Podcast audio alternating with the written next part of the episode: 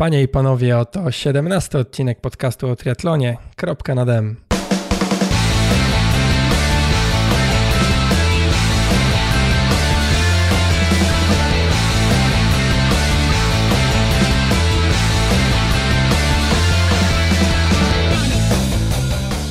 W tym odcinku będę mówił, a właściwie będziemy rozmawiali, będę rozmawiał z moim gościem o grupach sprzętu rowerowego, o tym, co warto kupować, a czego nie, czym się różnią od siebie poszczególne grupy e, osprzętu rowerowego oraz czy droższe zawsze znaczy lepsze. Jeśli słuchasz tego podcastu od dłuższego czasu, to może pamiętasz odcinek 14 z Mikołajem Luftem, świeżo upieczonym mistrzem Polski w ogóle na dystansie połówki Ironmana. W tamtym odcinku trochę nas e, poniosła wyobraźnia, nawet sam tytuł był kontrowersyjny, czyli jak mądrze wydać milion złotych na triatlon. Dzisiaj ugryziemy temat od e, drugiej strony, czyli jak wydać niekoniecznie dużo, ale mieć sprzęt, który dla nas, na nasze wymagania będzie najlepszy. I w dzisiejszym odcinku podcastu moim gościem jest gwiazda polskiego YouTube'a, nasz e, rodzimy Global Cycling Network, tyle że pod postacią jednej osoby, czyli Shybike. A może Daniel. Daniel, cześć. Witam serdecznie.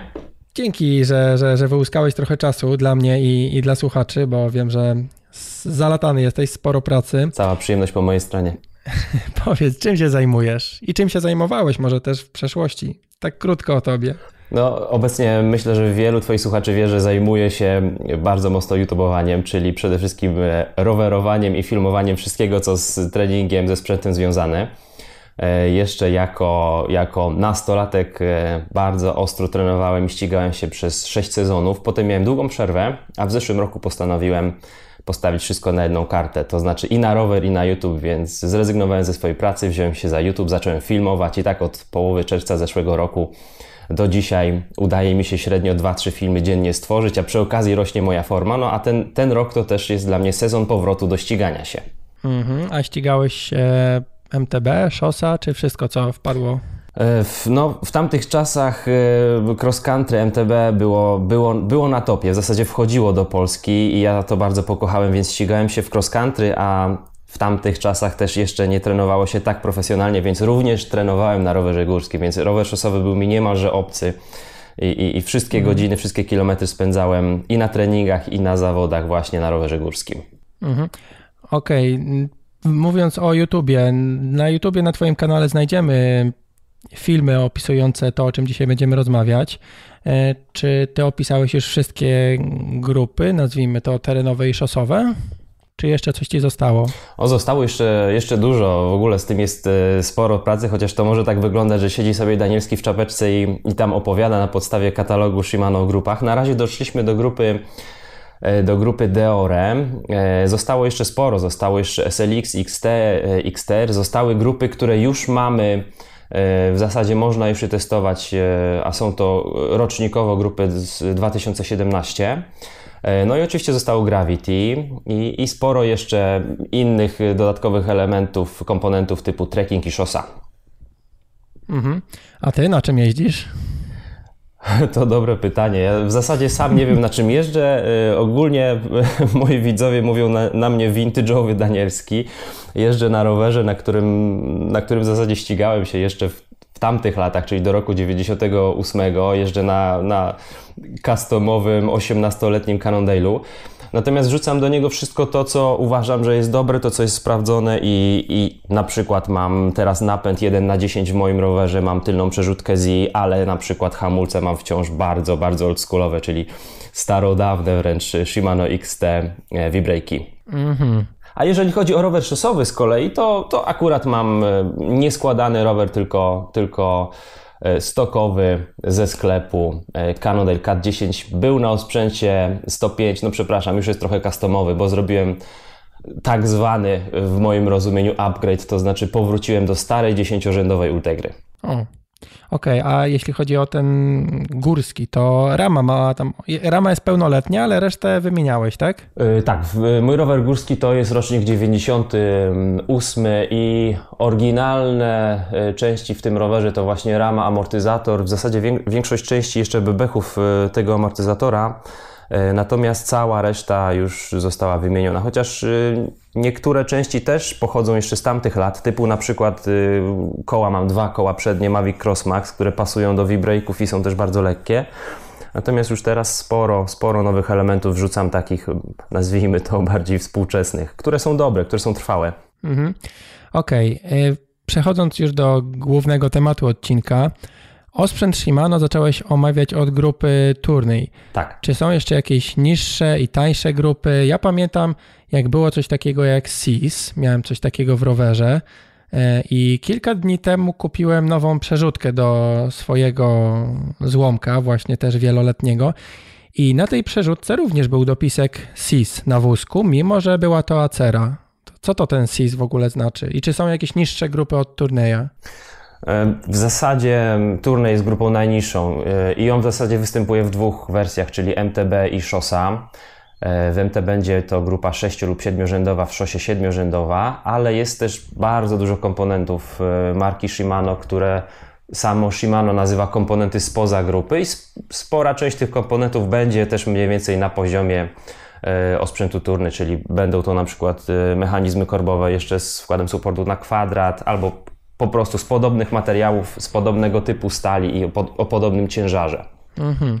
A jacy w ogóle producenci przodują na rynku sprzętu do, do rowerów MTB? Jest Shimano i jest coś jeszcze? Oprócz Shimano oczywiście mamy spory wybór jeszcze różnych producentów, chociaż e, choć Shimano oczywiście cenię i bardzo lubię komponenty Shimano, bardzo mi brakuje w Polsce y, widoku rowerów, które by jeździły na, na SRAMie, na, jeżeli chodzi o chociażby rowery szosowe, to na Campagnolo, na Campie, ale mamy też sporo innych marek typu FSA i można by tu wymieniać w zasadzie bez końca, które robią bardzo dobry osprzęt, niekoniecznie on jest droższy, ale jest wciąż mało popularny.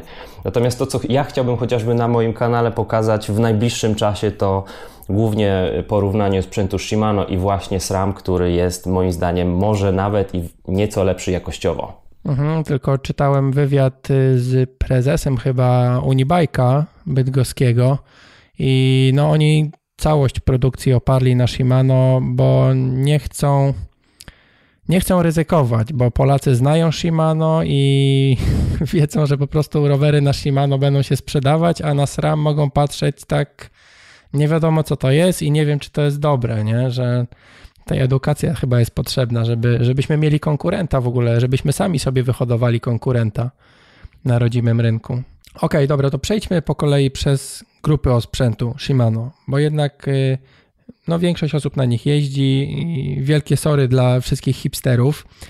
E, nie no, bądźmy poważni. Masz y, rozeznanie w sprzęcie innych firm? W ogóle jeździłeś na SRAMie na tyle, by o nim coś opowiedzieć? E, no, niestety nie, nie mam na tyle szczęścia, żeby móc sobie pozwolić na kompletne osprzęty SRAMa teraz, chociaż w tym roku to się też na pewno zmieni. Natomiast na SRAMie jeździłem w rowerach, które testowałem i byłem z nich bardzo, bardzo zadowolony.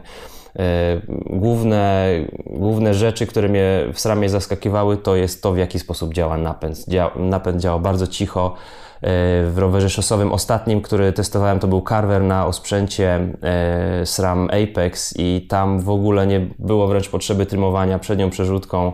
Byłem bardzo zachwycony tym osprzętem i na pewno będę dlatego dużo starań dokładał, żeby, żeby samemu taki osprzęt przetestować przez ładnych parę tysięcy kilometrów. Mhm. E, w, w, swoich filmach e, wysnułeś taką, ja to nazwa, nazwałem regułę szajbajka.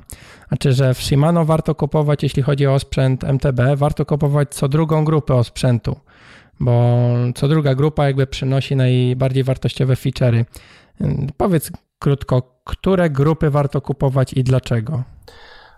Faktycznie nam taka reguła wyszła, chociaż nie jest to jakaś reguła, reguła szajbajka.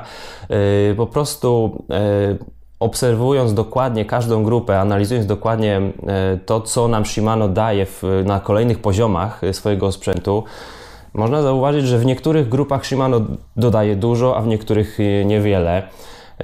Jeżeli w ogóle chodzi o to, ile dostajemy za każdą złotówkę wydaną na osprzęt, to najgorzej wypada osprzęt, jeżeli chodzi o MTB XTR, ponieważ XTR będzie średnio dwa razy droższy od osprzętu XT, natomiast z całą pewnością nie da nam dwa razy więcej, nie wiem, wytrzymałości, a nie, nie będzie dwa razy lżejszy.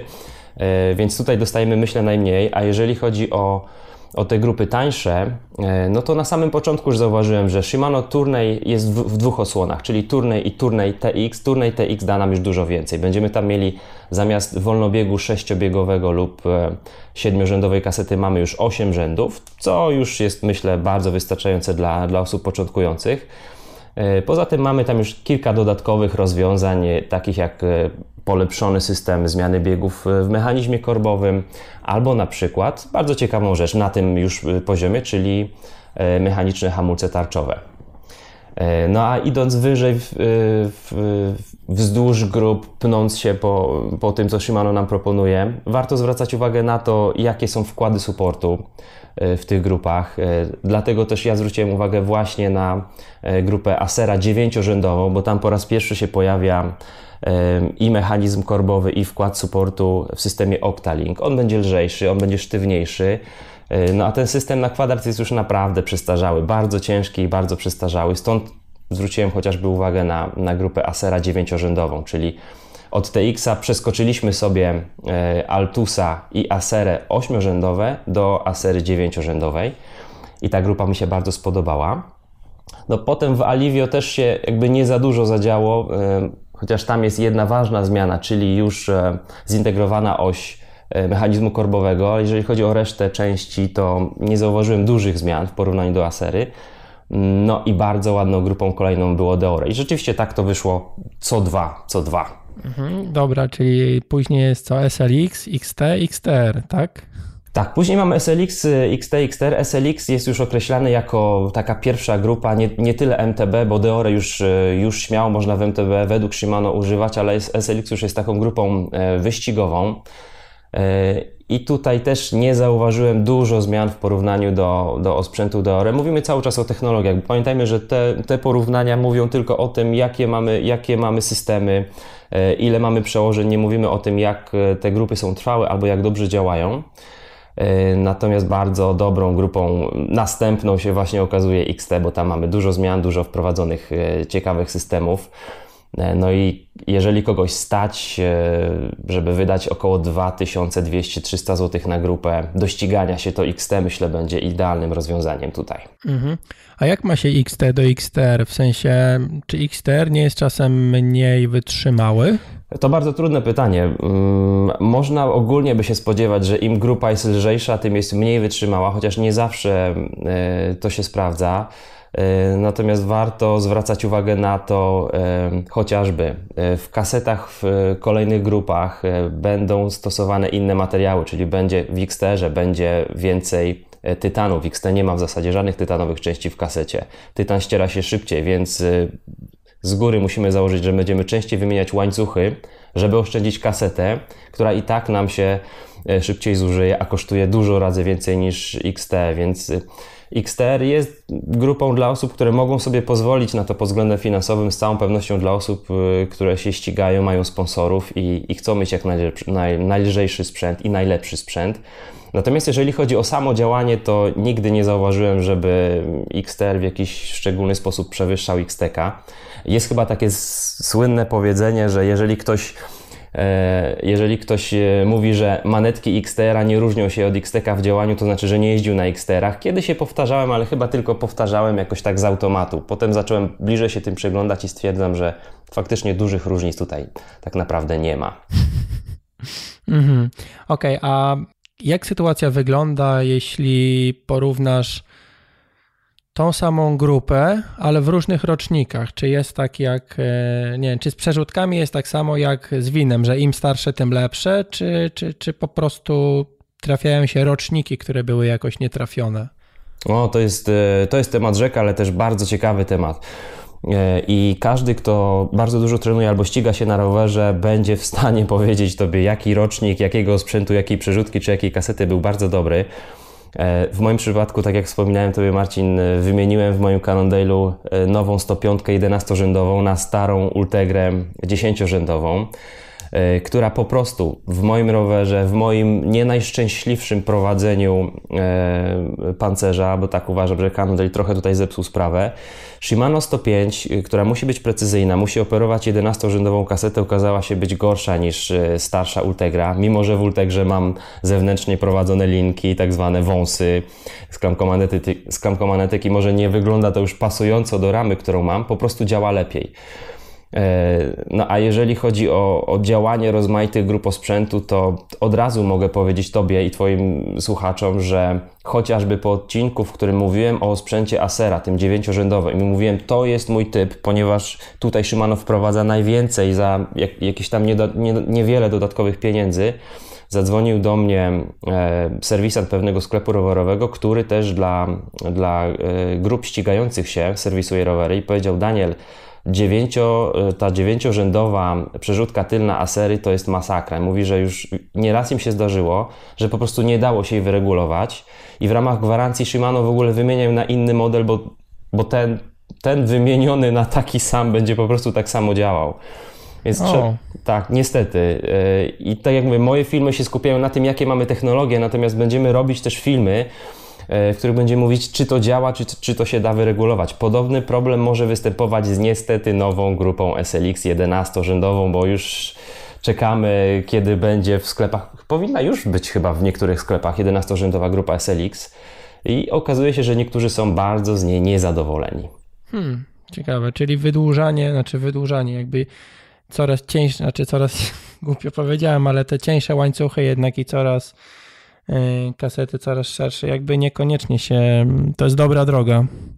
Ja bardzo na moim kanale unikam y, tworzenia czegokolwiek, co by było gdzieś tam powiązane z teoriami spiskowymi, y, jakim, jakąś tam walką z marketingiem, ale niestety tak jest, a mogę to powiedzieć tylko w ten sposób. Mój znajomy, który, który jeździ motocyklem i używa swojego motocykla bardzo intensywnie, śmieje się z nas kolarzy, że tak często musimy wymieniać łańcuchy, E, okładziny w tarczówkach i śmieje się z tego, ile wydajemy na nie, więc no, jest, jest, jest to temat rzeka.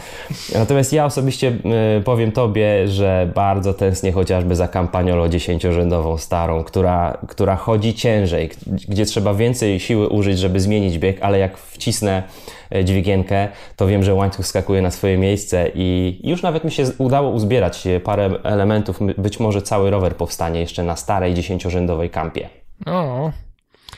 O, Ok, a teraz na chwilę zmieniamy temat, bo takie padło mm, pytanie od y, słuchacza. Czy masz jakieś doświadczenia z wytrzymałością blokad skoku w amortyzatorze? Na przykład, że zapominasz wyłączyć i na coś najedziesz? Nie jestem najlepszą osobą do zadawania mi takich pytań, ponieważ jedyne widelce, na których jeżdżę bardzo intensywnie, to są widelce Hedgehoga i, i Lefty. I one też mają taką blokadę. E, mi się zdarzyło wielokrotnie nie, nie tylko nie zapomnieć, ale nawet nie zdążyć wyłączyć blokady przed zjazdem i nic się strasznego nie stało. Natomiast jak najbardziej należy o tym pamiętać, chociaż wydaje mi się też, że we współczesnych, nawet podstawowych widelcach typu, typu Santur, e, te blokady już dosyć fajnie trzymają. Te amortyzatory po prostu są cięższe, są jakby tam bardziej toporne, e, ale aż tak bardzo chyba nie trzeba się bać, żeby na coś najechać. Natomiast no, na pewno bym nie skakał z jakichś z jakichś dropów z zablokowaną e, blokadą, ale to będzie bardzo zależne od e, modelu i rocznika. Mhm. Dobra, a jeszcze a propos tych szerokich kaset, bo samemu mimo wszystko zdecydowałeś się na napęd 1 na 10, mhm. e, czyli jednak napęd, który, w którym ograniczasz jakby sobie ilość przełożeń, a tym samym dążysz w kierunku maksymalnej ilości mm, przełożeń na kasecie. Czy myślisz, żeby w przyszłości inwestować jednak w kasety, nie wiem, 11-rzędowe? No, napęd y, z jednorzędowym mechanizmem korbowym jest, y, ma swoje zalety. Mi też w dużej mierze chodziło o uproszczenie roweru, co mi się strasznie w moim rowerze podoba. Y, natomiast y, na tym napędzie jestem w stanie się śmiało rozpędzać do prędkości około 45 km na godzinę, czyli, czyli niewiele. Potem już się zaczyna młynek, potem już tylko się składa w rowerze, żeby jakąś tam aerodynamiczną pozycję przyjąć. Jakoś nie, nie za bardzo mnie ekscytuje zwiększanie liczby przełożeń z tyłu. No teraz mamy już y, sremowskiego Igla z 12-rzędową kasetą. Osobiście uważam, że do jazdy ogólnie terenowej, jeżeli rower ma się nadawać do treningów, do dłuższych wyjazdów, ale też i do ścigania, to dla mnie napęd 2 na 10 byłby idealny, czyli zrezygnowałbym z, z, tej 11, z tego 11 ząbka, 10 rzędów z tyłu będzie, będzie w porządku.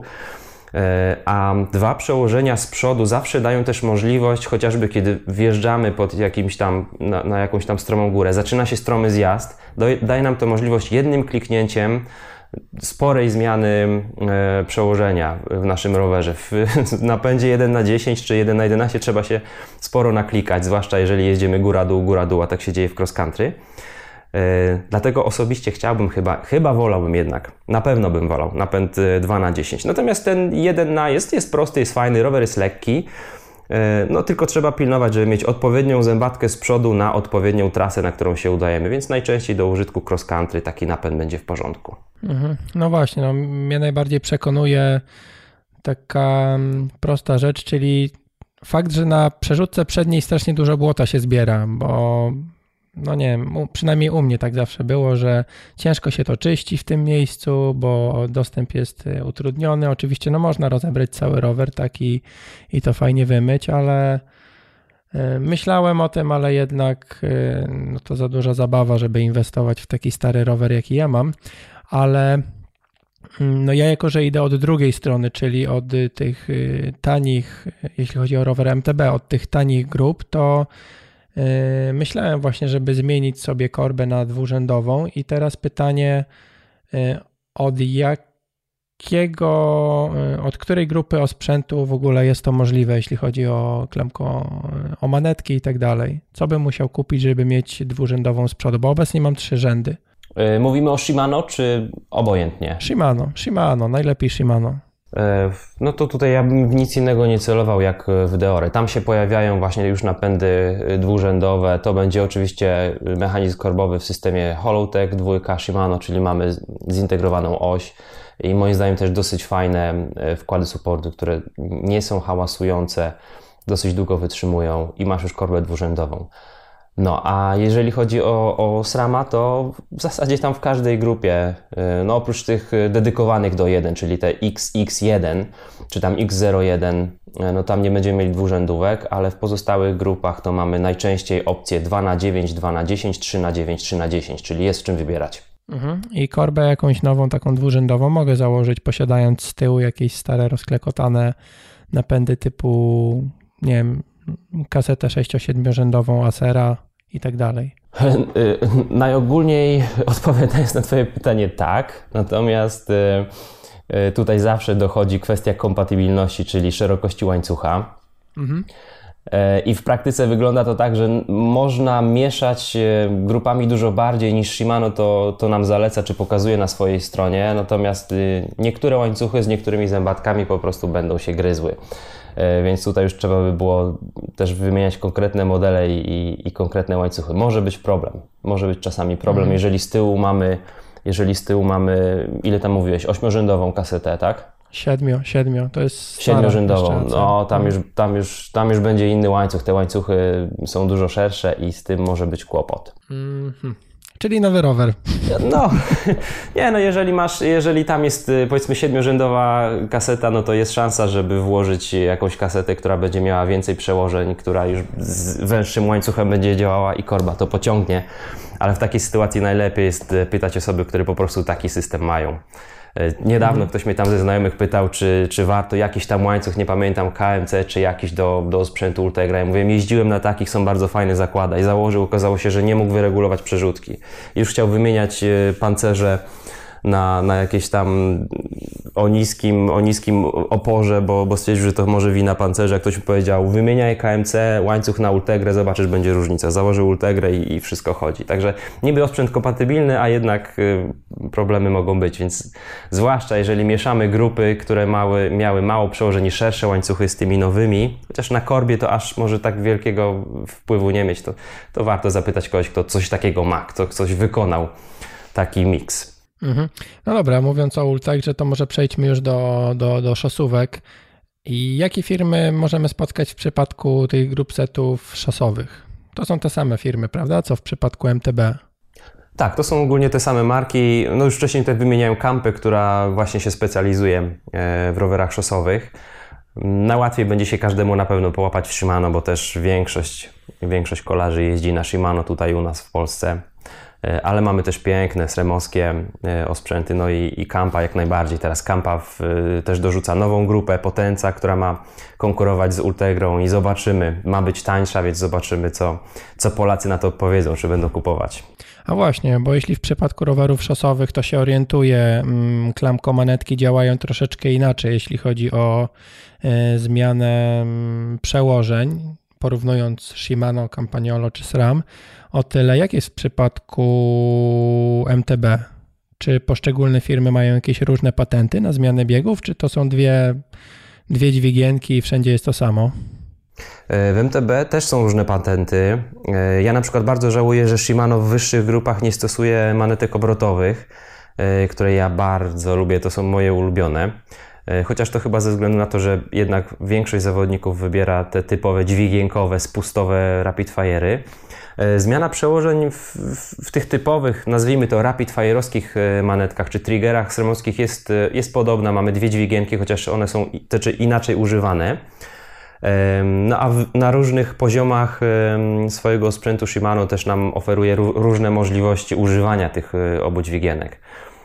No SREM ma bardzo fajny dodatek, czyli właśnie manetki obrotowe, które dają możliwość w zasadzie jednym ruchem przejechania łańcuchem całej kasety, co jest moim zdaniem bardzo fajnym rozwiązaniem. No i się trzyma pewnie cały czas kierownica, grip, nie?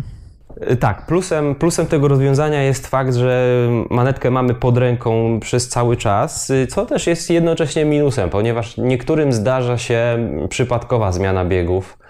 E, gdzieś tam, kiedy jedziemy no, po jakichś kamolcach przez jakieś rock gardeny, niektórzy twierdzą, że właśnie manetki obrotowe tutaj gorzej działają no bo nigdy nam się nie zdarzy przypadkowo zmienić e, biegu rapid fire'ami. Może się to zdarzyć e, przy manetkach obrotowych. Także ma to swoje wady i zalety. Mhm. No proszę. No dobra, to konkretnie teraz już o, o sprzęcie szosowym. No Shimano, jako że jest najbardziej popularny, to o nim dzisiaj opowiemy. Jakie są grupy osprzętu Shimano, jeśli chodzi o szosę. No tutaj mamy też piękne komponenty i, i, i fajnie, że też y, ten temat chcesz zahaczyć, bo jest jedna grupa, którą bym bardzo chciał polecić y, kupującym y, sobie rower albo nowy osprzęt. W Shimano szosowych komponentach mamy przełożenia od 11 rzędów Dura Ace i w Ultegrze i w 105 po 7 rzędów w turnieju. E, powyżej turnieja mamy Clarisa ośmiorzędowego i dziewięciorzędową Sorę i uwaga, Sora będzie miała nową odsłonę w przyszłym roku, bardzo ładną, w zasadzie już chyba w tym roku, e, która pozostanie dziewięciorzędowa, ale przyjmie trochę technologii z wyższych grup i dopasuje się swoim wyglądem. Będzie moim zdaniem pięknie wyglądała na tym poziomie. E, natomiast osprzętem, który mi się bardzo podoba i byłem już, miałem już okazję e, potestować, to jest e, dziesięciorzędowa Tiagra. Ona dostała teraz już wewnętrzne prowadzenie linek, co się dużo bardziej podoba, ale okazuje się, że tutaj nic Shimano nie zepsuło, wpychając pancerze pod owikę, bo ta grupa bardzo ładnie chodzi. Ma 10 rzędów, moim zdaniem jest to wystarczająca ilość do utrzymania fajnej kadencji na szosie. E, a z drugiej strony im mniej rzędów na kasecie, tym łatwiej jest ustawić przerzutkę. Ona ma łatwiejszą pracę do wykonania i będzie też moim zdaniem bardziej odporna na brud czy, czy na zużycie. Więc Tiagra bardzo ciekawa. No a potem te trzy 11-rzędowe, czyli 105, Ultegra i Dura Ace. Ja miałem 105, znam osoby, które są zadowolone. Ja ze 105 nie byłem zadowolony właśnie jeżeli chodzi o reakcję mojego napędu na wodę oraz reakcję E, zacisków hamulcowych na piaseczek, bo tam jest takie łożysko, które strasznie mi chrobotało właśnie, kiedy tam się dostał piasek, czego nigdy wcześniej nie, miałem, z czym, z czym nie miałem problemu wcześniej w zwykłych e, konstrukcjach hamulców szosowych. Hmm. Okej, okay, a czym się różnią powiedzmy od sory w górę? Co dostają kolejne grupy e, napędu? Oprócz tego, że się ma więcej przełożeń z tyłu, czy są jakieś technologie, które dochodzą w, w poszczególnych grupach? Jak najbardziej są technologie, są oczywiście używane e, inne materiały. Im wyżej się pniemy po grupach Shimano, tym mamy więcej aluminium, mniej, mniej stali. Poza tym mamy też no, już więcej karbonu, a mniej aluminium w niektórych miejscach. Jeżeli chodzi o same technologie, no to oczywiście wyższe grupy będą miały zintegrowaną oś mechanizmu korbowego. I to bym bardzo chciał mieć w rowerze, więc to by była pierwsza rzecz, którą bym upgrade'ował, jeżeli się zastanawiacie, to mechanizm korbowy. Jeżeli macie jeszcze na przykład starszego oktalinka albo jakiś kwadrat, to warto mieć tą korbę już dwuczęściową, czyli zintegrowaną osią. I bardzo fajnym ostatnim usprawnieniem, które Shimano nam wprowadza, i teraz już je dostanie też i nowa Sora, czyli jest w Dura Ace, jest w Ultegrze, jest w 105, jest w Tiagrze, będzie miała Sora to jest inaczej zaprojektowane ramię przedniej przerzutki, które znacznie usprawnia zmianę biegów z przodu. To, to w 105 mi się strasznie podobało, w, na przykład w mojej starszej Ultegrze to gorzej działa, że to jest też e, jedna z, ta, z takich te technologii. E, no a poza tym, no niestety, marketing bardzo, bardzo duży nacisk kładzie na ilość przełożeń i no teraz Tiagra dostała dziesiątkę, e, Sora ma na razie dziewiątkę, zobaczymy jak to będzie dalej. Moim zdaniem 10 rzędów to jest taka optymalna ilość. Mhm.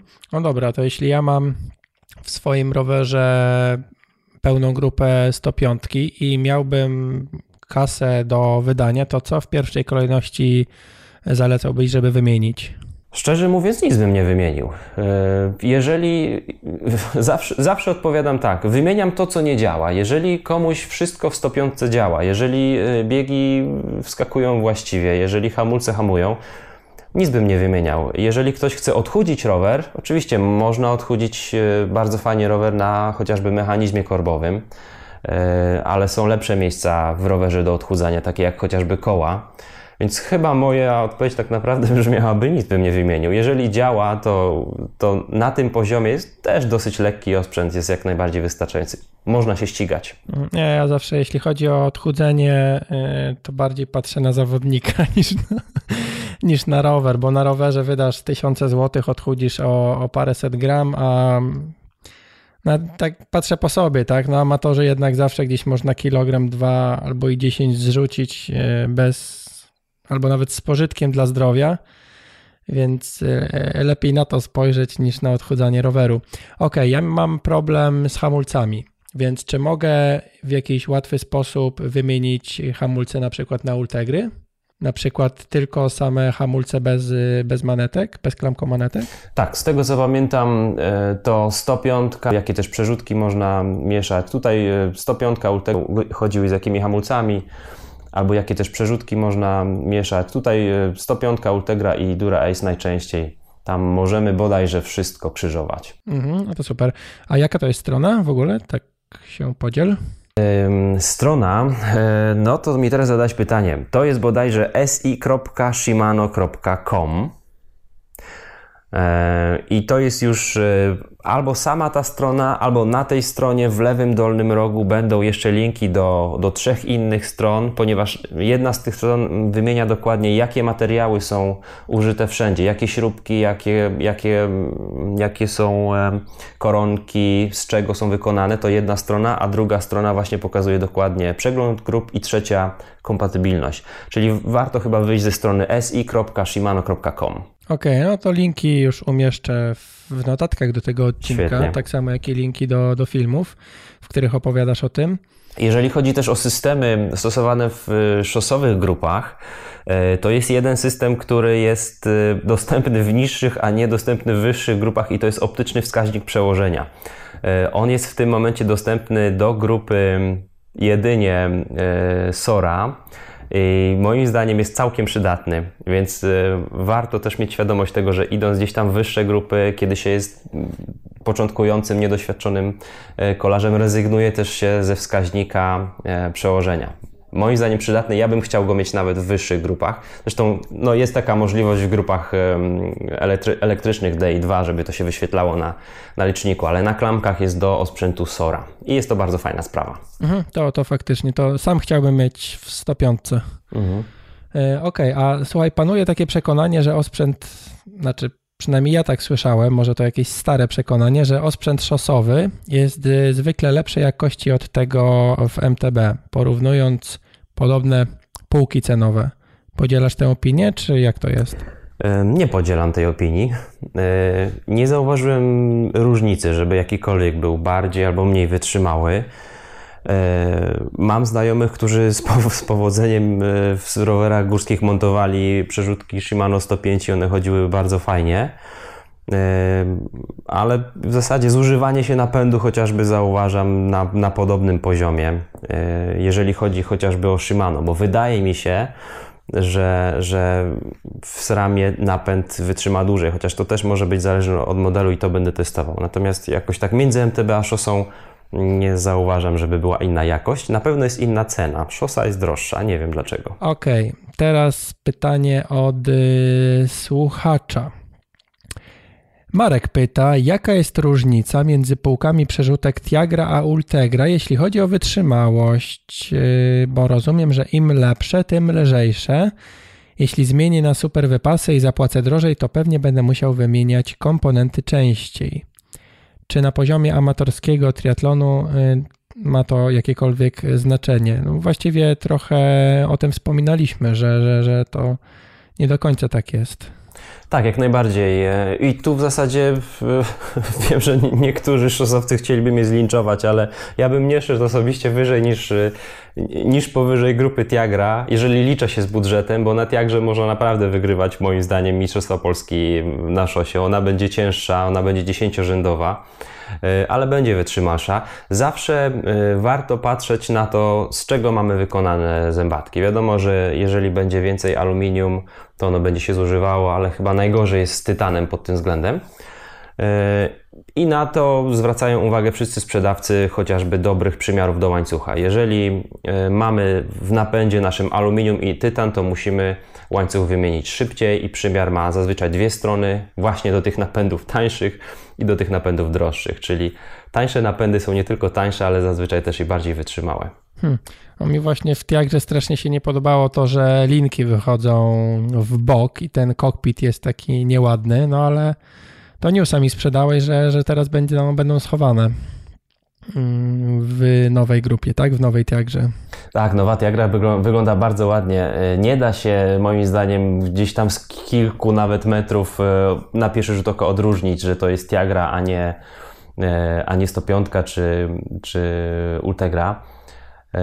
I tak jak mówię, 10 rzędów mi absolutnie wystarcza. Może jedna rzecz, na którą warto zwrócić uwagę, tam od któregoś poziomu, bodajże od Ultegry, E, Shimano mm, ma, e, ma łańcuchy powlekane jakimiś tam cząsteczkami fluoru i Shimano mówi, że to zwiększa wytrzymałość takiego łańcucha o tam bodajże 20 czy 30%, z tym, że ten łańcuch będzie do napędów 11-rzędowych, ale jeżeli możemy kupić jakiś łańcuch, który który no, będzie miał tego typu systemy i to faktycznie działa, bo tego jeszcze nie przetestowałem, to też warto na to zwrócić uwagę, warto o tym pamiętać. Mhm. No ale tu wchodzimy w tematy typu, myślałem, że są powlekane ceramiką jakąś albo czymś takim, ale tu już wchodzimy w tematy takie mm, bolące dla portfela. Kolejne pytanie od Sebastiana. Sytuacja hipotetyczna. Kupuję rower używany, w dobrym stanie, wszystko jest technicznie jak należy. Zostaje mi po jego zakupie 5-7 stówek. Jak doinwestować bajka i lub siebie? Od czego zacząć? Lepszy napęd, wyższa grupa, lżejsze koła, e, a może zainwestować w dobre, wygodne i droższe ciuchy, buty. Rower kupiłem w maju, czyli na początku sezonu, a mój cel to start do jesieni w trzech zawodach. E, ja zawsze na takie pytania, znaczy nie zawsze, ale od dłuższego czasu odpowiadam, że e, najlepiej zainwestować w siebie, niekoniecznie w, w ciuchy czy, czy buty, ale na przykład pójść sobie y, na saunę albo do fizjoterapeuty, albo więcej czasu, który też kosztuje, móc poświęcić na sen albo na przykład na rozciąganie czy rolowanie. O, tak. No ale mów ty, Daniel. To jest też y, bardzo fajne pytanie. Może odpowiedzią niech będzie to, co ostatnio podsłuchałem gdzieś na starcie maratonu, jak się spotykamy z naszymi kumplami właśnie na tego typu imprezach, to o czym jest gadka? raczej się nie słyszę, żeby ktoś mówił, słuchaj, wiesz co, ostatnio kupiłem sobie takie awokado, albo robię sobie takie chleby, albo te, ostatnio się odżywam tak czy tak, albo byłem na takich badaniach wydolnościowych, tylko mówimy, ostatnio kupiłem sobie taką przerzutkę, ostatnio mój rower schudł o 200 gramów, a nie mówimy o tym, ile ja schudłem, albo jak się czuję. Jak najbardziej uważam, że warto zainwestować w siebie przede wszystkim. Jeżeli rower działa, to świetnie, to, to niech oddziała. A, a w siebie inwestując, inwestujemy w motor, który ten rower napędza i o tym trzeba pamiętać. Chociaż też e, patrząc z perspektywy tych 500 czy 700 zł, no na dużo sobie nie można pozwolić, ale na pewno można zrobić chociażby badania wydolnościowe, jak najbardziej e, badania, na przykład morfologię krwi, wszystko to, co wskazywałoby na nasz stan zdrowia.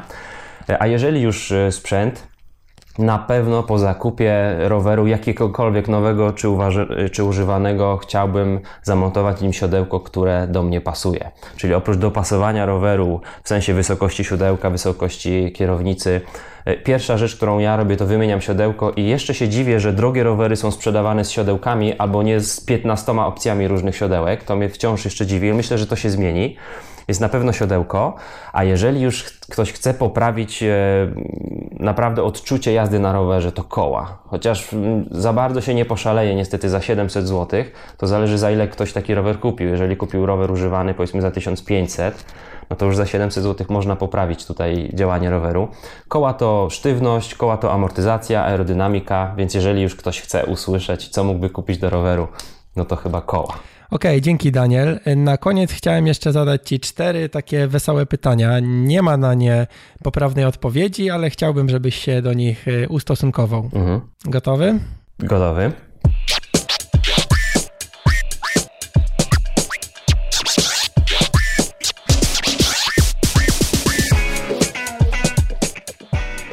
Czy jesteś zwolennikiem e, równania, że oczekiwana ilość rowerów w domu to n plus 1, gdzie n oczywiście oznacza liczbę rowerów obecnie posiadanych? oczywiście, że jestem zwolennikiem takiego twierdzenia, jak najbardziej. Okej, okay, drugie pytanie. Zakładamy, że planuję zakup roweru MTB klasy powiedzmy Shimano Acera. Jadę do sklepu i kupuję rower na XT. Co zrobić, by mnie żona nie ubiła? No jeżeli e, żona nie wie, co to jest Asera, to nie masz problemu. Jeżeli żona jest już obeznana w tym sprzęcie, no nie będę Ci podpowiadał, co masz zrobić, ale powiem Ci, że bardzo często zdarzało mi się drogi osprzęt wysyłać moim klientom e, za pobraniem albo na jakiś adres e, ich kolegi, albo do odbioru w urzędzie pocztowym prosili, żeby ta paczka nie doszła do domu. To się zdarza, tak. Patologia. Okej. Okay. E, kolejne pytanie. Jazda na jakim rowerze daje najwięcej frajdy? Wow, no to teraz pytanie zadałeś. MTB to przede wszystkim e, piach między zębami, e, wibracje, drgania i, i no, bardzo mocne odczucia terenu, natomiast szosa to jest prędkość. Nie można tutaj powiedzieć, który z nich jest lepszy. To są dwa różne demony, z każdym trzeba gdzieś tam wejść w układ. To jest nieprawidłowa odpowiedź, y, bo najlepiej się jeździ na rowerze drogim. Przynajmniej jak usłyszałem opinię. Okej, okay, i ostatnie pytanie. Słuchaj, opowiedz jakąś swoją najdziwniejszą przygodę związaną z rowerami. Może być z czasów młodości na przykład. Z czasu młodości. Słuchaj, przede wszystkim mam 36 lat, jestem młody. Okej. Okay. E, wie, wie, wie, wiecie co? Najdziwniejsza moja przygoda zwią związana z rowerami jest taka, że kiedy pierwszy raz zobaczyłem w parku naprzeciwko mojego domu, tam, tam gdzie się urodziłem, tam gdzie moi rodzice wciąż mieszkają, zobaczyłem kogoś jadącego na rowerze, to wiedziałem, że ja pragnę jeździć na rowerze. I potem, kiedy już miałem rower z tymi kółkami bocznymi, pamiętam, że w tym parku siedziałem sobie na ławeczce i patrzyłem z zazdrością na kolegów, którzy już jeździli na dwóch kółkach i wiedziałem, że ja to będę kochał. I to jest chyba najdziwniejsze. Do, to, to jest coś, do czego nikt mnie nigdy nie zachęcał i, i bardzo ważne chyba w życiu jest właśnie to najdziwniejsze coś, czyli znalezienie tego czegoś, co w nas siedzi i zrozumienie tego. Najdziwniejsze u mnie było to, że ja od samego początku wiedziałem, że to będzie to i, i teraz do tego wróciłem i wiem, że już, że już nie odpuszczę. Dzięki jeszcze raz za rozmowę i, i do usłyszenia. A właściwie do zobaczenia na YouTubie. Dziękuję serdecznie. Do zobaczyska. I to już koniec. Wielkie dzięki za przesłuchanie tego odcinka. Mam nadzieję, że się podobało. Zachęcam do pozostawiania ocen gwiazdeczek oraz recenzji w iTunes.